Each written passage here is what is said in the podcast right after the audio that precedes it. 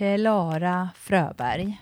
Johanna Bervelid. Hur går det med köttandet av knäböjen och ben och allt vad det innebär med det? Det går jättebra faktiskt. Jag är så himla stolt över mig själv.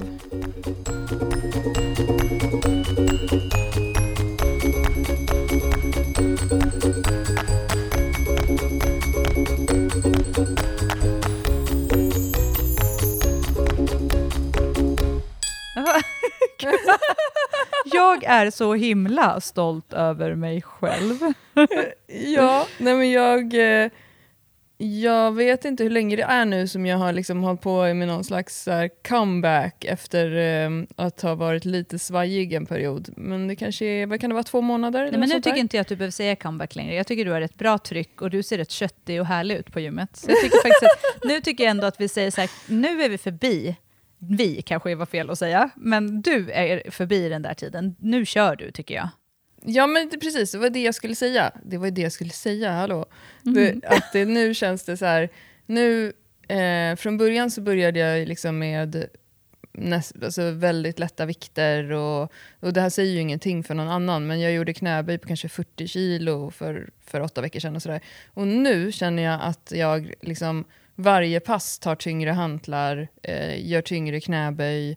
Eh, nu gjorde jag idag pass C i Team Styrkebyrån eh, för den här veckan och eh, gjorde, eh, vad heter det på svenska, ehm, hängande benlyft, strikta 4 gånger 6 vilket Snyggt. jag inte klarade första gången som jag provade. Utan då hängde jag och så lyfte jag på knäna. Och det är ju eh, Eh, det är ju för att min kropp börjar liksom känna igen sig. Jag tror att det kan vara svårt att lära sig till exempel hängande benlyft strikta om man aldrig har gjort det förut på åtta veckor. Alltså om du ja, nu får du ändå tänka på att du, gör ju, det, du är ju stark i den övningen och har ju gjort strikta förut. Så det låter ju så här, men för dig är det en så här, då vet du lite att så här, kroppen fungerar, den är kompakt. För det krävs lite av kroppen när man ska göra den typen av övning, att man liksom håller ihop. Det går liksom inte att en arm fladdrar dit och ett ben fladdrar dit, och liksom, utan man måste vara lite köttig och hångla, äh, hångla ihop. Hänga ihop. ja. måste hångla ja, ihop men Det är först. det jag menar, att nu känner jag liksom att kroppen börjar hitta tillbaka till någon slags bas basläge. Och det, um, det är ju otroligt härligt, för att jag hade ju lite tankar när jag började med det här nu, att så här, men nu, nu, är jag liksom, nu har jag passerat 40, nu kanske, det inte är, nu kanske det inte kommer bli så här igen. Alltså, Gud, om du förstår, trycket.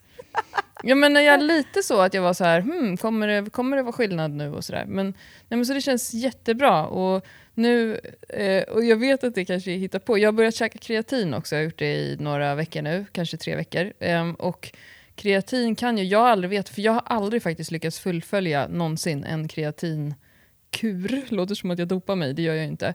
Eh, men det kan ju vara så att man i början, tror jag, när man eh, börjar ta kreatin, att, man, att eh, så kan det bildas lite vätskemassa under musklerna i kroppen. Det, de sitter då inne i musklerna, så man behöver inte oroa sig för att man blir sladdrig eller något sånt där, vätskig. Eh, och jag vet inte om det är därför eller om det är för att jag liksom känner det här ökade trycket i kroppen. Men jag inbillar mig i alla fall nu när jag är så ute och går i mina fula, fula jeans som jag har haft hela pandemin som är så trasiga nu så att det är hål både i rumpan och i skrevet. Mm. Eh, så inbillar jag mig att, de, så här, att jag känner hur mina skinkor så här, spänner mot dem. det är ändå gott. Skinkor som spänner mot lite så här Fluffiga byxor. Fluffiga jeans. Ja men det är härligt. Men jag tycker att du, och du, när vi körde sist tillsammans, inte kanske när du körde sist, men när vi körde tillsammans sist, då var du ändå liksom uppe och nosade lite på reps eh, PB på de vikterna. Inte liksom ditt allra, allra någonsin reps PB, men ändå som det, du har bara gjort mer typ någon enstaka gång och då körde du jättemycket böj. Så jag tycker ändå att så här, det är också en bra så här, riktlinje att gå för. Liksom, att det här är ändå vikter som du kanske inte alltid bara är uppe och kör femmer på, eller vad du gjorde.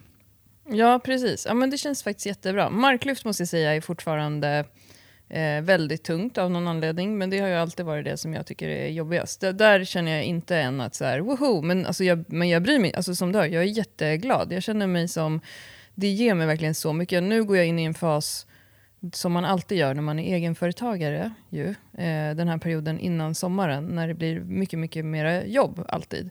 Eh, och då känns det så skönt att ha bestämt att jag prioriterar träningsrutin. Mm. Även, även om det är skitmycket på jobbet nu. Kanske det kommer vara så att någon blir sur på mig för att jag levererar lite långsammare. Men jag mår så himla mycket bättre när jag tränar så här pass mycket, eller regelbundet ska man säga.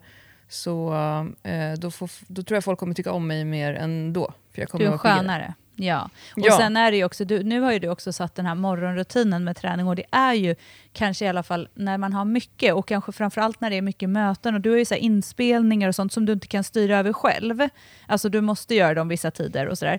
Då är det ju också väldigt skönt att kunna riva av träning på morgonen för det är svårare oftast på eftermiddagen och kanske på kvällen om, när du har barn och så, här. så då är ju den här morgonrutinen också bättre.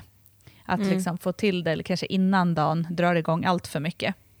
Ja, nej men, ja, nu ska jag sluta, jag låter som en jäkla skrytmacka.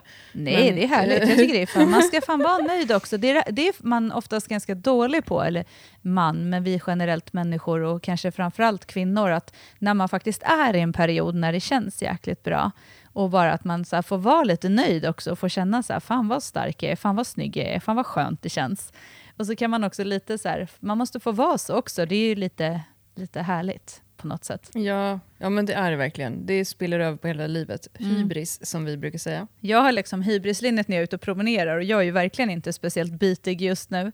Eh, om man jämför med annars och tidigare och, och sådär stark. Men så var jag ute och gick i hybrislinnet och så var det en som liksom här på gatan bara “schysst linne” så här. Och då kände jag bara så här, jag har liksom går runt med hybris fast jag inte ens och så här, lever i någon typ av tro att jag snart så gör jag mina 200 i mark, vilket är ganska långt kvar. Men det är ändå härligt, man måste ha hybris. Det, det härligt att få känna så. Men du har ju också gått in i nästa nivå med din träning nu Johanna, efter magoperationen. Ja, det har jag faktiskt. Och det känns också väldigt härligt. Jag känner lite så här hybris efter varje träningspass nu. Och jag så här längtar efter att gå och träna. Och jag får lite, vad ska man säga, så här, stoppa mig själv. Så att jag, jag är verkligen noga med nu att det inte blir för ofta och för mycket på en gång. Just för att kroppen ska hinna med och för att jag inte ska, ska liksom, eh, köra för hårt. Eh, dock så körde jag ju så här triset med biceps curl i fredags. Och eh, det känner jag i mina eh, sådana här armveck just nu. Muskelfästena kanske mår inte jättebra av det, men det var härligt. Det var ashärligt. Nej men alltså jag eh, körde faktiskt, sist jag tränade så körde jag första sumomarklyften. Och eh, jag lägger ganska mycket fokus nu på att köra, överkropp kör jag alltid, alltså biceps och sånt, det får alltid hänga med. Men jag lägger ganska mycket fokus på, och kommer göra nu en period på egentligen olika böj och eh, marklyft, eh, men med lugnt ökning och eh, att fokusera just på bålen.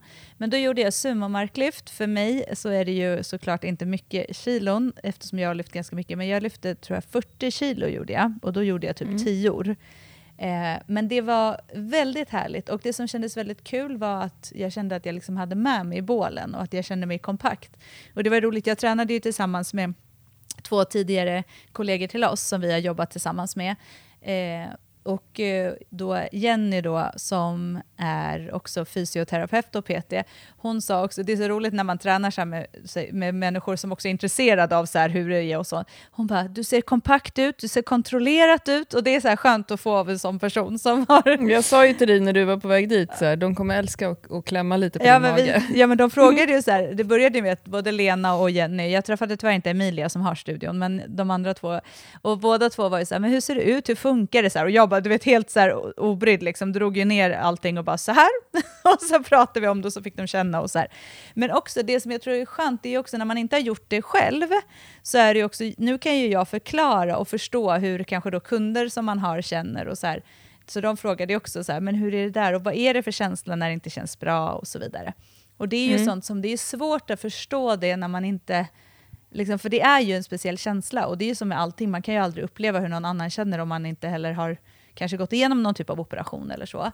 Men sen kan man ju gå på så här, det ska kännas på ett visst sätt. Men det jag har ju ganska lätt för att känna i allt jag gör. Så här, men det här kändes bra, ja, men här känns det som att jag ska liksom lugna mig lite eller ta, ta av lite vikt, eller här kan jag lägga på, för nu behöver jag inte alls jobba med buktryck till exempel. Och det är ju klart att jag har ju en vana, så så är det ju inte alltid för en, kanske en person som inte har lika mycket träningsvana som har gjort en sån här typ av operation.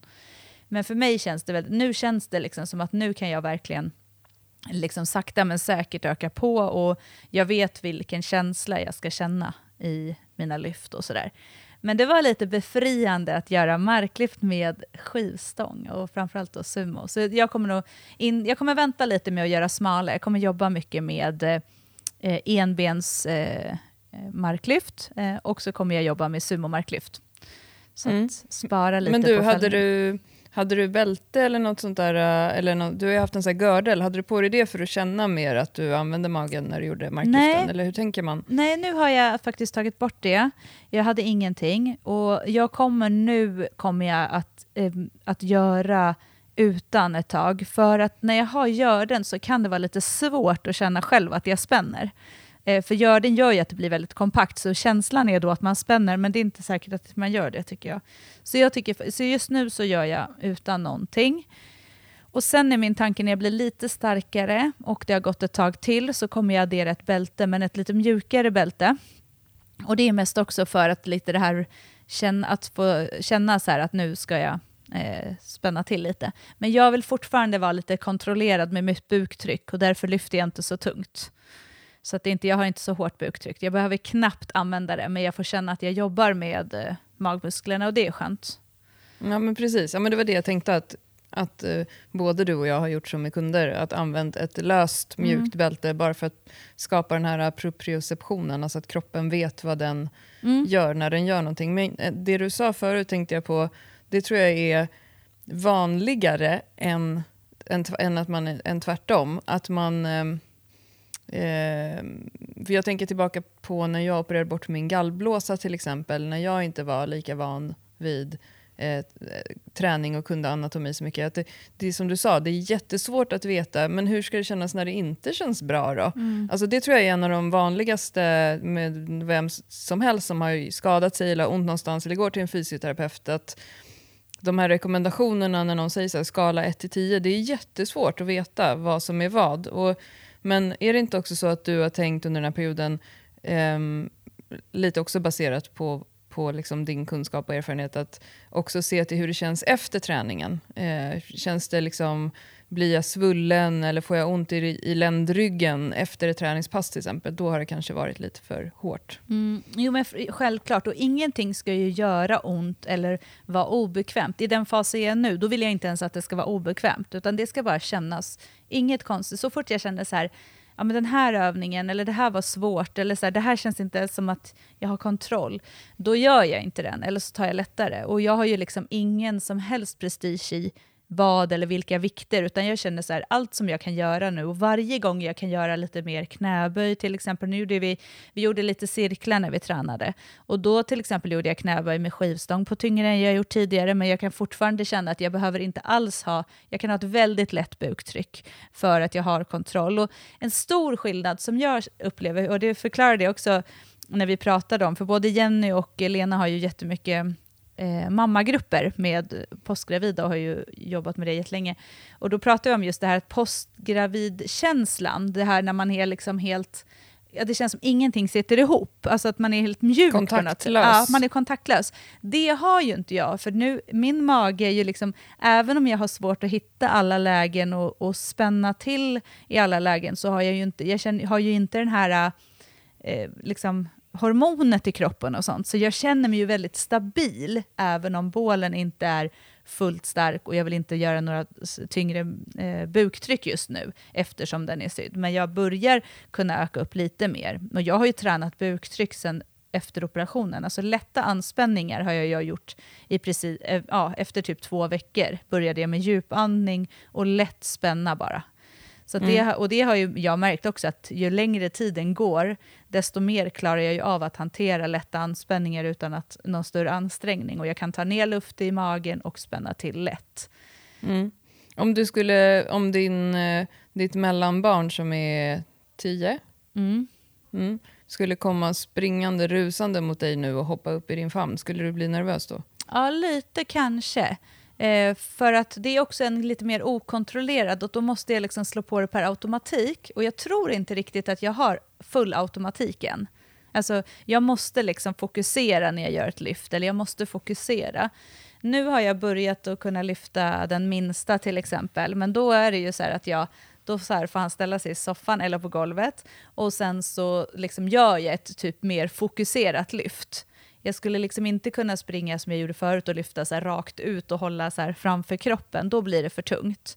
Jag kan liksom lyfta kontrollerat nära kroppen. Jag skulle inte vilja lyfta en tung låda till exempel, där jag måste lyfta framför mig. För då känner jag så att då har jag inte alls samma kontroll. Så att jag, jag gör ju väldigt mycket kontrollerade lyft, kan man väl säga. Ja, vad spännande. Jag tänker att det där kommer gå hur bra som helst. Och jag är så fascinerad av att titta på din mage nu, som ju nu har fått göra det på gymmet några gånger. Alltså den, den är så... De, alltså jag vet inte hur många stygn de har gjort på insidan och sådär. Jag vet att det var en, det var en omfattande operation. Um, det syns liksom ingenting. Det är helt sjukt. Alltså jag har mer ärr på min mage efter den här gallstensoperationen än vad du har. Det är helt otroligt. Mm, det är ju, de har ju sytt på insidan, på själva mag, eller i själva Linnea Alba syr man ju, alltså själva scenstråket. Då har de ju sytt tre vänder, alltså ner hela vägen, upp hela vägen och ner hela vägen.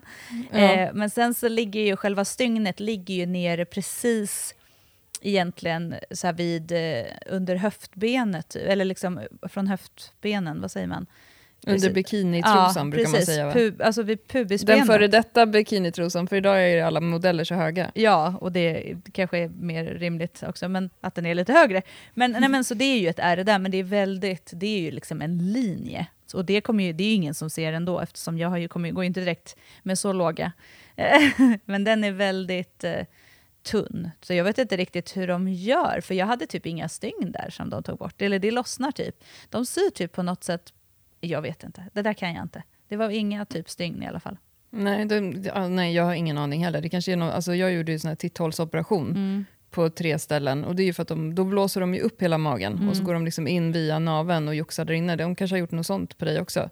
För jag, alltså, jag såg ju framför mig liksom att den här omfattande operationen måste vara jätte, alltså att man ska se det på något sätt. Men jag tror ju liksom att om någon ser dig på stranden kommer de inte ens, man kommer inte ens tänka att du har gjort någonting med din mage. Nej, sen har jag ju liksom, jag har ju ett R, vad ska man säga, från den nya naveln och neråt har jag ju ett R från, för det är ju det som satt ovanför naveln från förra operationen när jag gjorde mitt brock. Då fick jag ju ett litet R liksom ovanför naveln.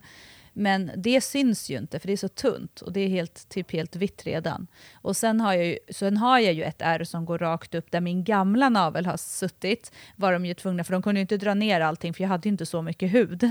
Så annars, har man mycket liksom hud, då kan de ju dra ner huden så att det går nedanför ärret. Men nu var de ju tvungna att sy ihop där, där naveln har suttit. Så där har jag, men det syns också väldigt lite. Men jag bryr mig verkligen inte om de där ärren heller. Det är inte liksom... Jag, Nej, det är bara jag, ja, jag är bara det, fascinerad ja, precis, över det. Är, och det är ju det är jättecoolt. Hur de gör. Det, det är, är svincoolt. Men jag, annars är det ju det som är mitt fokus nu. Det är ju, dels, jag tycker i och för sig att det är jätteroligt att jag har en ny, ny navel, för jag har ju egentligen aldrig haft... Min navel har varit väldigt grund, och så har jag haft liksom, som ett hudveck där, så jag, typ, jag har alltid tänkt att så, jag har typ ingen navel. Men nu har jag ju en sån här navel som går inåt. Så, och ja. Den är pytteliten och jättegullig, så jag har typ blivit så lite, Anton kan ju bara säga vad gör du? Jag bara, jag står och tittar på min navel. Jag tycker det känns så lite härlig. Den är där liksom. Men... Det är jätteroligt, men kan inte du berätta, det var någonting också din, med din hud, den, de ska använda din gamla hud som du lämnade kvar där och titta på. ja, men min läkare frågade så här, för han jobbar ju som forskare och eh, utbild, alltså jag tror han jobbar också med utbildning och forskning på Karolinska, så de, han är ju inte bara liksom på den här kliniken. Och då så eh, frågade han om han fick använda min hud till eh, forskning och utbildning, tror jag. jag vet exakt vad det var. Och du vet, så här, han bara, alltså, jag kommer inte tjäna några pengar på det. Jag bara, men gud, det är väl ändå underbart att min, min hud kan bidra till något bättre. Så här. Och så här, då kan jag bli, men det är också för den var så tydligen så supertunn. Alltså jag, jag har så sjukt tunn hud. Och det är tydligen då väldigt, jag kan gissa att när man ska sy, och alltså alla så olika typer av ingrepp, när man ska göra det i tunn hud, så är det säkert annorlunda. Eh, så att det finns säkert någonting, någonting bra där som kommer ut. Men se, det är härligt att man kan bidra till det. Bidra till, Verkligen. En, till bättre, för där gör de ju, det är ju operationer som kan vara med skador och alltså rekonstruktion efter skador. Alltså, så det är ju jättespännande att man kan få ja, bidra verkligen. med det. Min hud. Jag följer ett konto på Instagram som heter Liket efter döden. Det är ett konto som de har jättemånga följare och det drivs av tre stycken eh, oh, nu säger jag säkert fel, men eh, alltså obducenter eller rättsläkare eller pat rättspatologer, jag vet inte vad det heter.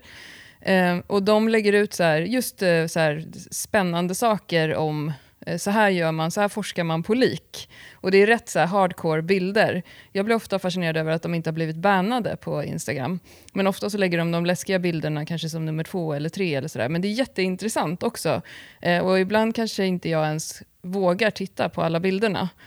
Um, men att läsa texten också, hur de jobbar och hur, hur, säker, hur fastställer man tidpunkt för ett lik så här, genom att titta på maten i magen. Eller nu under påsken hade de tema korsfästelse och gick igenom så här, uh, olika människor som har eh, tagit livet av sig eller gjort så här, äh, försökt korsfästa sig själva. Det var någon politiker i Bolivia bland annat som hade gjort det som något statement eh, och låtit korsfästa sig själv och hur länge han hade orkat. Han hade bara orkat hänga i tio minuter. Eh, innan, och så, men, jag kan, om man tycker att sånt där är eh, intressant Vissa gillar ju att titta på så här finnar som kläms och sånt. Då kan, man, då kan jag tipsa om det kontot, Liket efter döden. Gud, helt, jag tror jag hoppar det faktiskt. Jag lite, jag Din hud lite... kanske är på något så här, ja, eh, kirurgikonto någonstans och bara, ja. här kan man se tunn Men det är väl ändå härligt. Men min mm. hud kunde bidra till det tackar vi för.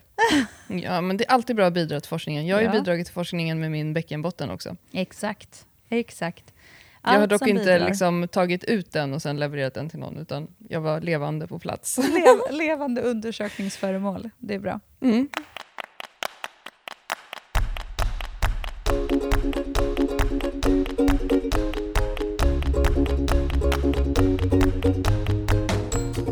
Fasen ska vi eh, ta och snacka lite marklyft. Du fick ju... Ja men precis. Du var ju på gymmet här för ett tag sedan. Du är på gymmet ganska ofta nu eftersom du kör där jämt.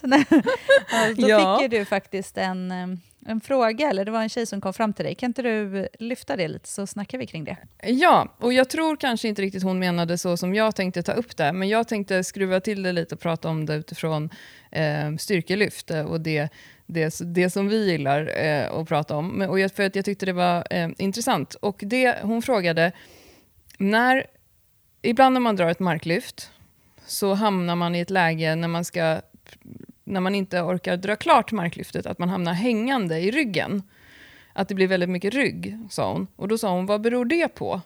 Och då fick det mig att tänka på, för det kan man ju se ibland Eh, särskilt om man tittar på, som jag gillar, att titta på liksom, eh, världsmästerskap och SM och så vidare i eh, styrkelyft. Att ibland så blir det så att när en person drar ett riktigt tungt marklyft, och det här behöver ju inte heller vara de riktigt tunga, så fastnar de någonstans på låren med stången och eh, börjar dra, dra, dra med ryggen. Och det blir mer så att ryggen böjs mer och mer och mer, men de kommer liksom ingenstans. Och eh, ja, jag har lite tankar om varför det blir så, och jag tänker att man även kan applicera det, även om man inte ska tävla i VM i styrkelyft så kan man ha med sig lite tankar och lite så här som vi brukar säga cues på hur man kan tänka för att det inte ska bli så i marklyften. Och jag la också ut det på vårt Instagram, och nu har jag inte kollat där, på ett tag, men fick några som eh, skrev om det direkt och som kände igen sig också i det. Eh, jag la också ut en sjukt ful bild när jag försökte visa det här med en sån streckgubbe. men jag tänker, känner du igen vad jag menar Johanna? Förstår du vad jag menar och eh, vad tänker du om det?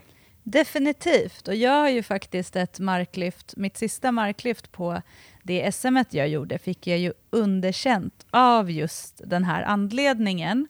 Och det kan ju ske både i sumomark och i smalmark. Eh, jag upplever att man oftare ser det kanske på eh, smalmark, men det som händer är ju egentligen att man... Marklyft är ju ofta så man tänker det är en dragövning, eh, men det är ju oftast det man behöver tänka bort, utan det som händer är ju att man just drar stången från marken. Och det som kan hända då är att man, alltså, man drar så mycket så att man låser liksom ut benen och sen när man har låst ut benen så står man och hänger med stången i armarna och man är ju inte lika stark i ryggen oftast som man är i benen. Så uh, det som skedde när jag fick eh, uh, underkänt, det var ju att jag, jag blev för stressad i mitt lyft och när man blir stressad och inte vågar trycka med benen så att till stången lossnar lite av sig själv. Då börjar man dra och då när man drar så går det inte att låsa ut den och då blir det som att man lite lutar sig bakåt för man måste på något sätt försöka hjälpa, liksom få upp stången. Och då räta dra, ut. Ja, man försöker räta ut höften för det går typ inte. Och då drar man den ut efter låren och dels då får man, kan man få underkänt för att man, för mig blev det att jag skakade så mycket. Så dels så försökte jag dra den mot låren men jag, försökte, och, jag skakade också så att då sänkte jag ju stången och man får inte sänka den när man tävlar. Man får heller inte använda låren Nej. som stöd. Nej, men så att det som sker är ju just att man inte riktigt vågar vänta ut att benen ska göra sitt jobb. Alltså att Mm. trycka. Vi brukar ju cuea många, och det är många tycker jag som får en eh, aha-upplevelse när vi har så här workshop i marklyft, att tänka det som två, det är två steg. Det första steget i ett marklyft är att trycka, en benpress egentligen, att trycka, att låta överkroppen bara följa med, pressa. När man har kommit typ till knäna eller strax ovanför knäna, då är det ett liksom höftjuck, alltså då ska höften fram. Och då pratar jag nu om smal, den smala varianten. Men också i sumo att man trycker och vill låsa ut egentligen knä och höft samtidigt.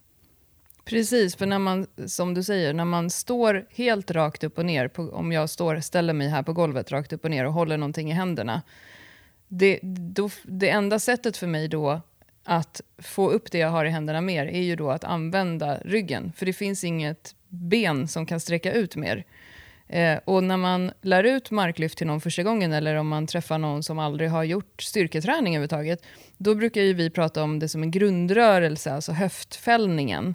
Som till skillnad från ett knäböj där man sätter sig på huk så trycker man rumpan bak och sen så använder man rumpan för att komma tillbaka igen, som i en kettlebell-sving också.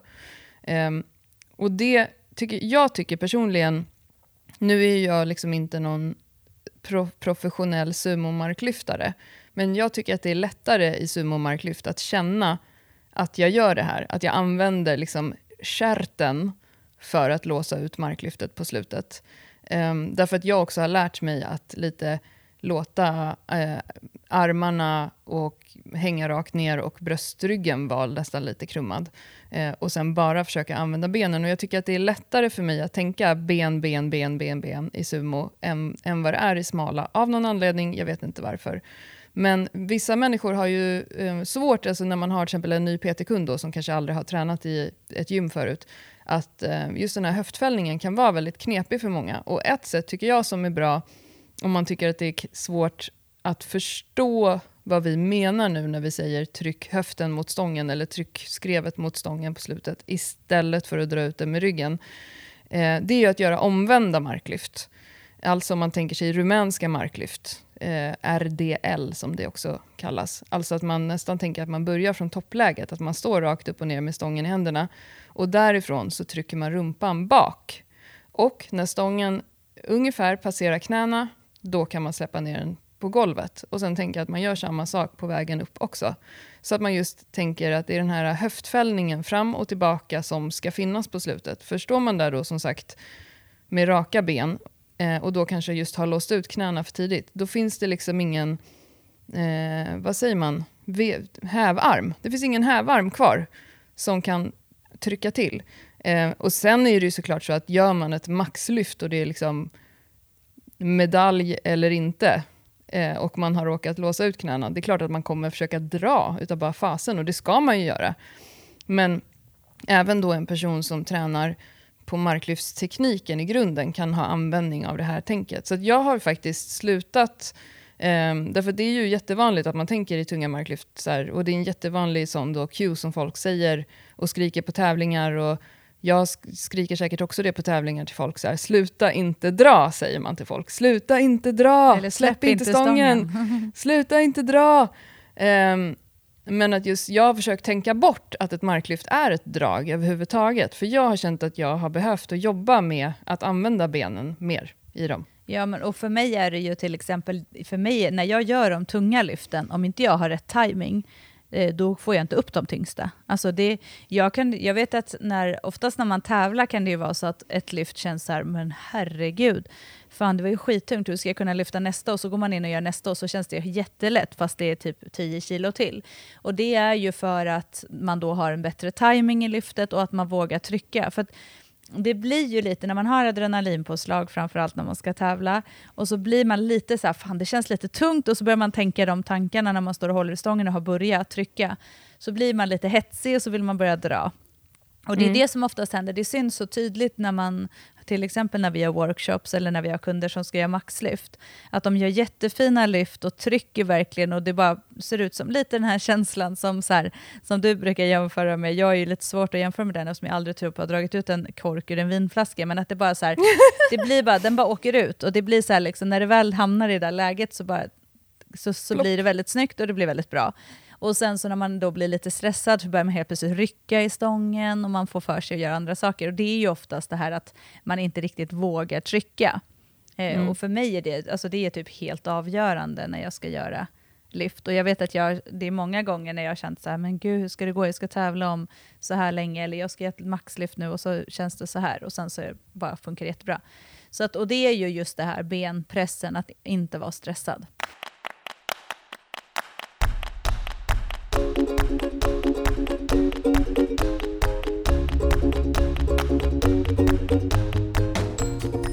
Jag vet att det är så roligt, för när vi började eh, med, med podden och våra första workshops så kommer jag ihåg att du jämf- då sa du alltid så här, tänk att du ska dra ut ett svärd ur en sten.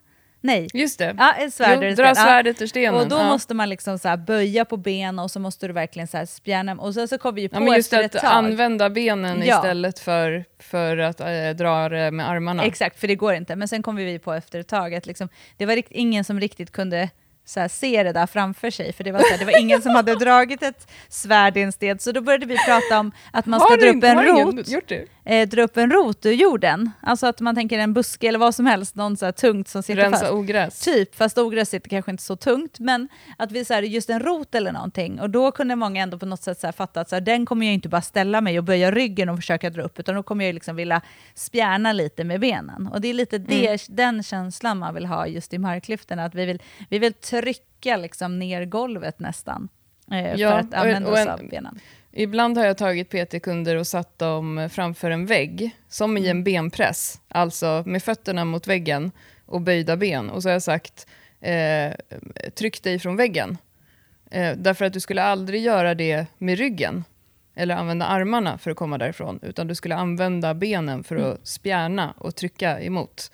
Ja. Eh, men men all, det här, är- jag tycker det är så intressant, för jag vet att vi pratade om det nyligen, du och jag, när vi, du höll på att läsa pedagogik och jag hade läst eh, om hjärnan. ja, just det. Eh, och då så sa jag till dig att det är så fascinerande, för jag läste att, eh, jag kommer inte ihåg hur många det är, men en viss procent av människor kan inte tänka i bilder. Alltså, kan inte, det låter ju så här, men vissa gör inte det. De har inget bildtänk liksom.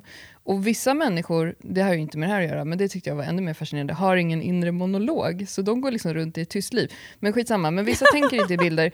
Nej, men, och det tycker jag också är så intressant när man, när man lär ut någonting, så att allt det här vi säger nu eh, och pratar i en podd och ingen ser framför sig, kommer vara en stor del av, av, av er som lyssnar som inte fattar ett skit. Eh, därför att man har också olika inlärningsstilar att ha instruktioner. Och det försöker ju du och jag tänka på när vi håller i workshops och går runt bland alla. Att för vissa blir det jättetydligt när eh, du eller jag visar vad vi menar. Eh, och kanske under tiden säger, nu tänker jag ben, nu tänker jag höft. Och för vissa blir det jättekonstigt, för de kan inte se sig själva. De måste få testa och göra. Och jag minns att så var det för mig när jag tog körkort. Att jag märkte att eh, jag lärde mig jättebra när jag kör, satt bredvid min bilskollärare. Och så sa han allt som han gjorde. Titta i titta backspegeln, titta sidospegeln, titta över nacken, växla ner och så vidare. Och sen så när jag körde sen, då bara gjorde jag exakt som han hade sagt. Och då funkade det. Men det, så man får försöka hitta vad man är för typ av person. För det tycker jag också av erfarenhet har varit så roligt genom de här åren. Att stå på en workshop och så säger man till någon, kanske inte dra svärdet ur stenen, men kanske så här, eh, ja, som att du klämmer två apelsiner i armhålorna till exempel. Så, här. Och så, så ser man att den här personen bara, den ser inte det här framför sig och bara tycker att du säger något skitkonstigt. Ja, men det Och- är ju spännande med sånt här. Alltså, Ja, det är jättekul. Och det, eh, apropå det som du håller på att lära dig och jobba med, att just det här att det går inte att lära ut saker eh, på samma sätt till alla, utan eh, ibland så tänker jag för mig själv då när jag går runt på workshops att så här, ah, håll käften lite Ja, ett men tag. faktiskt.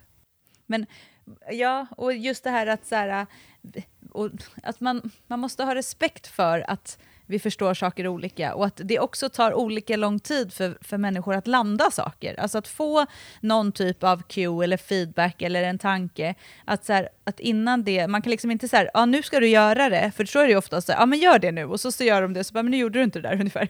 Alltså man måste ju få tid på sig att, så här, ja, att, få komma, att det ska komma in liksom i en tanke och så här, träna på att göra något nytt är ju skitsvårt. Att om Ja. man har gjort en viss typ av marklyft alltid och så ska man börja jobba med benen, då måste man ju också få en chans att, så här, men lite som du säger, så här, man kan testa mot väggen, man kan tänka eh, roten i marken, så, så får man liksom ge många olika alternativ. Och sen måste den här personen så här, landa i så här, vilket sätt, vad är det jag förstår, vad är det de vill ha ut av det här? Och ibland kan ju vi så här, höra varandra säga så här, förstår du vad jag menar nu?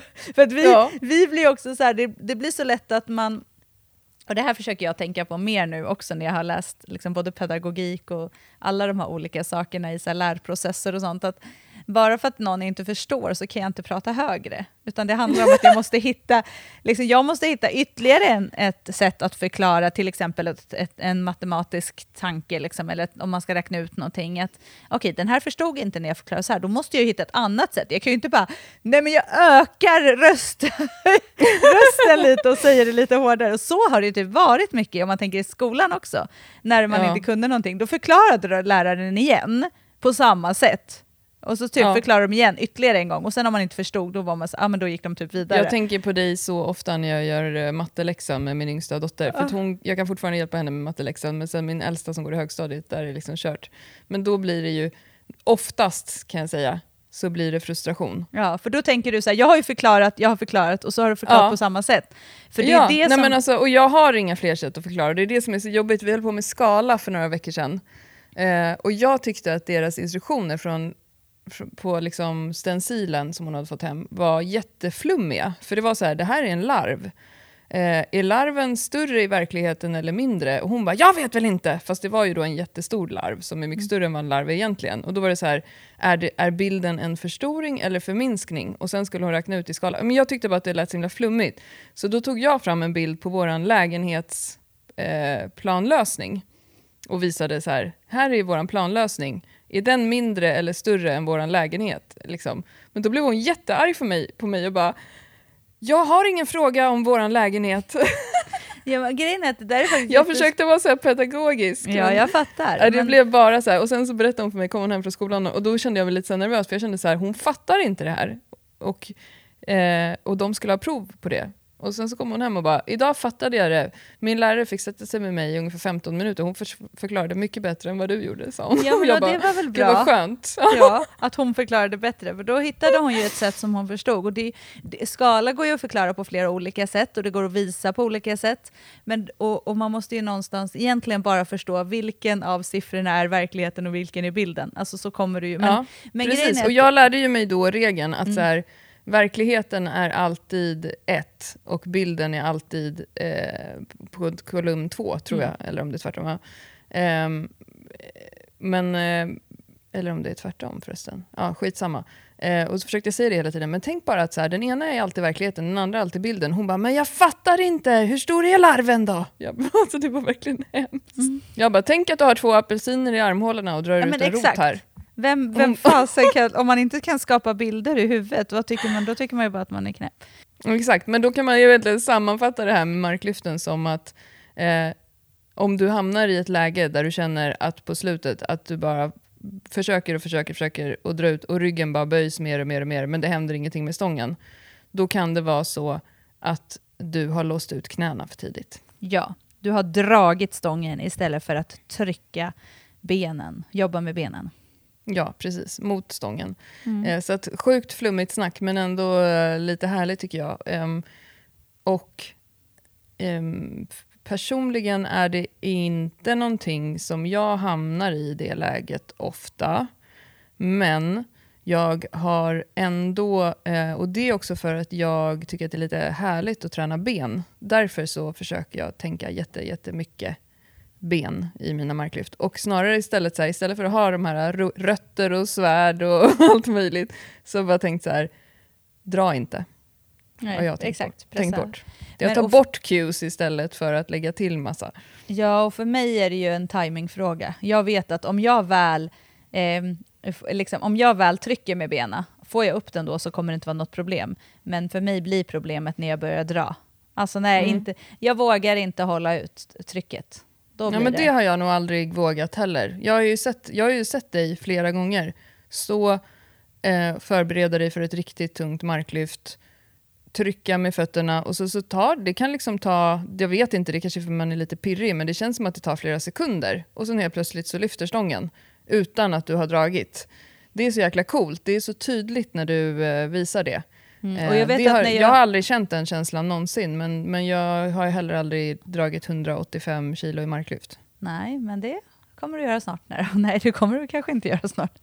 För du tränar inte för att göra det. Men eh, vad heter det? jag vet att när jag gjorde mitt tyngsta, det som, och det, 185 är ju det tyngsta jag har gjort, då var jag helt säker på att jag skulle klara tyngre. Och då ville jag ju dra 190 efter det, men det klarade jag inte. Och det var ju såklart för att det var mentalt så hade jag gjort ett eh, PB och allting. Men eh, det lyftet är ju, det ser så sjukt lätt ut. Och då kom jag, jag var också efteråt, jag bara det här var så lätt. För då hade jag jättefin timing och såklart bra dag och allting. När det är de där vikterna så krävs det ändå lite för att, att det ska liksom kännas väldigt smooth. Men då var det just den där känslan att det bara, när stången väl släppte så bara, alltså det var Mm. inga konstigheter. Så att medan jag hade gjort någon vecka, tio dagar innan jag gjorde mitt sen sista tyngsta lyft som inte alls var så tungt, så var det ju mycket se ett, ett segt lyft. Och det var ju för att då var jag ju mycket mer så ofokuserad och drog. Jag drog Mm. helt enkelt. Jag drog Mm. därifrån. Nej då. jag drog stången istället för att våga trycka. Och det syns så tydligt också när man tittar på de lyften. Mm. Att eh, jag ska nästan leta fram dem båda två tror jag, lägga som två filmer kan man se skillnaden. För det är verkligen skillnad när man ser det här o, eh, liksom, sköna lyftet. Otajmade. Otajmade heter det. Mm. Ja. Men du Johanna, jag tänkte, ska vi gö- göra lite reklam? Ja, det tycker jag. Det gör vi. Reklam är bra. Nej. Ja. Precis, den här veckan samarbetar ju vi med radioföretag. Nej jag skojar bara. Nej, Den här samma veckan samarbetar vi med oss själva. Exakt, som vi alltid gör. Eh, jo men för att vi har ju en massa eh, grejer eh, på gång. Och jag tänkte att eh, vi också kunde säga, vi har ju släppt en del eh, och saker som kommer, eh, som det är tag kvar på, men som finns ute tillgängliga i shoppen och det finns fortfarande platser kvar. Till exempel en helg i Luleå i nu Kan September. du, september. Tackar september. för det. I slutet, inte sista helgen, näst sista helgen i september. Då är vi Just i Luleå. 17 18 något sånt Mm. där. Ja. Och där finns det fortfarande platser kvar, men de faktiskt tickar på. Det känns jätteroligt att folk redan är taggade på september, en, en lyftarhelg där. Sen har vi en helg i Stockholm på Crossfit Eken, som vi alldeles snart flyttar in på igen. Det ska bli så jäkla kul. Mm. Och det är första helgen i juni. Mm. Fjärde, Eh, femte. Just det, bra att du är på nu för jag la ut fel på Instagram, men så Mm. kan det gå ibland. Ehm, och där finns det också platser kvar. Och sen så nu alldeles eh, snart den 14, 14 maj, tack för att du är med Johanna, så kommer vi till Örebro och där finns det också fortfarande platser kvar. Så befinner man sig i de trakterna och vill eh, eh, dra svärdet ur stenen eller skratta åt när vi säger konstiga saker, som, som när du sa till en en lite äldre dam att hon skulle tänka som en lapdance i sitt marklyft. Eh, så kan man komma dit. Det kommer bli skithärligt. Vi kommer eh, äta lunch tillsammans och fika också och göra massa lyft. Lyfta framför allt. Lyfta, Ja. skrika, kasta magnesium. Och vill man inte skrika och lyfta och kasta magnesium så kan man bara komma dit och lyfta. Ja, Men och jag, jag, en bra sak att ta upp är att vi fick en fråga från en tjej som ska komma i, i Örebro som hade fått lite ont i, eh, ont i höften faktiskt. Och hon var inte så peppad på att komma då, för hon sa att det känns ju som en liten waste. Och då svarade jag henne på mejlen att vet du att vi har haft folk som har knäopererats, vi har haft gravida, vi har haft folk eh, med ryggsmärta som har varit på våra eh, eh, workshops. Och det brukar faktiskt vara tvärtom, att det man tar med sig därifrån är kanske lite ny teknik, eh, inspiration, känslan av att eh, liksom, jag, jag kommer komma tillbaka igen. Man behöver absolut inte lyfta tungt på de här grejerna, så det tänkte jag kan vara en bra shout-out att göra också. Eh, för jag skrev till henne att så här, det är en månad kvar nu och jag antar att din fysioterapeut inte har sagt till dig att du aldrig mer ska eh, styrkelyfta. Liksom. Och då svarade hon väl typ så här, ja du har fan rätt. Eh, det, det kanske är precis det jag behöver då. För att, så att just att man inte tror att man bara kan gå på sådana där grejer om det är tänkt att man ska dra dubbla kroppsvikten i marklyft eller någonting. Det är det absolut inte, utan det är ju otroligt lärorikt eh, även om det är något av lyften som man kanske inte kan göra fullt ut då, att bara hänga med andra, titta på andra, få inspiration till sin egen träning och just det här med att eh, fokusera på teknik. Mm. Ja, gud, så man kan få ut massor. Så att, lyftardag alla tre, eh, bänk, mark och böj i 14 maj.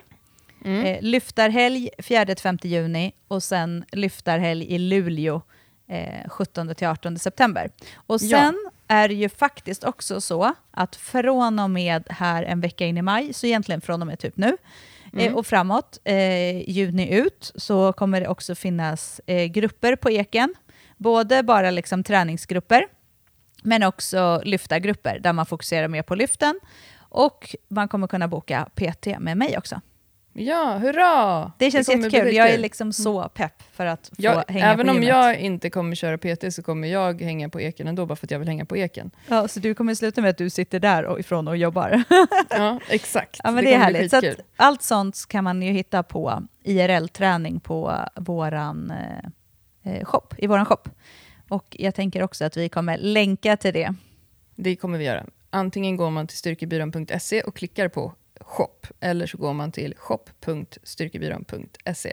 Mm. Så där ligger allt det som produkter. Vi har också ett pass den 6 maj med marklyft och biceps och eh, lite dryck.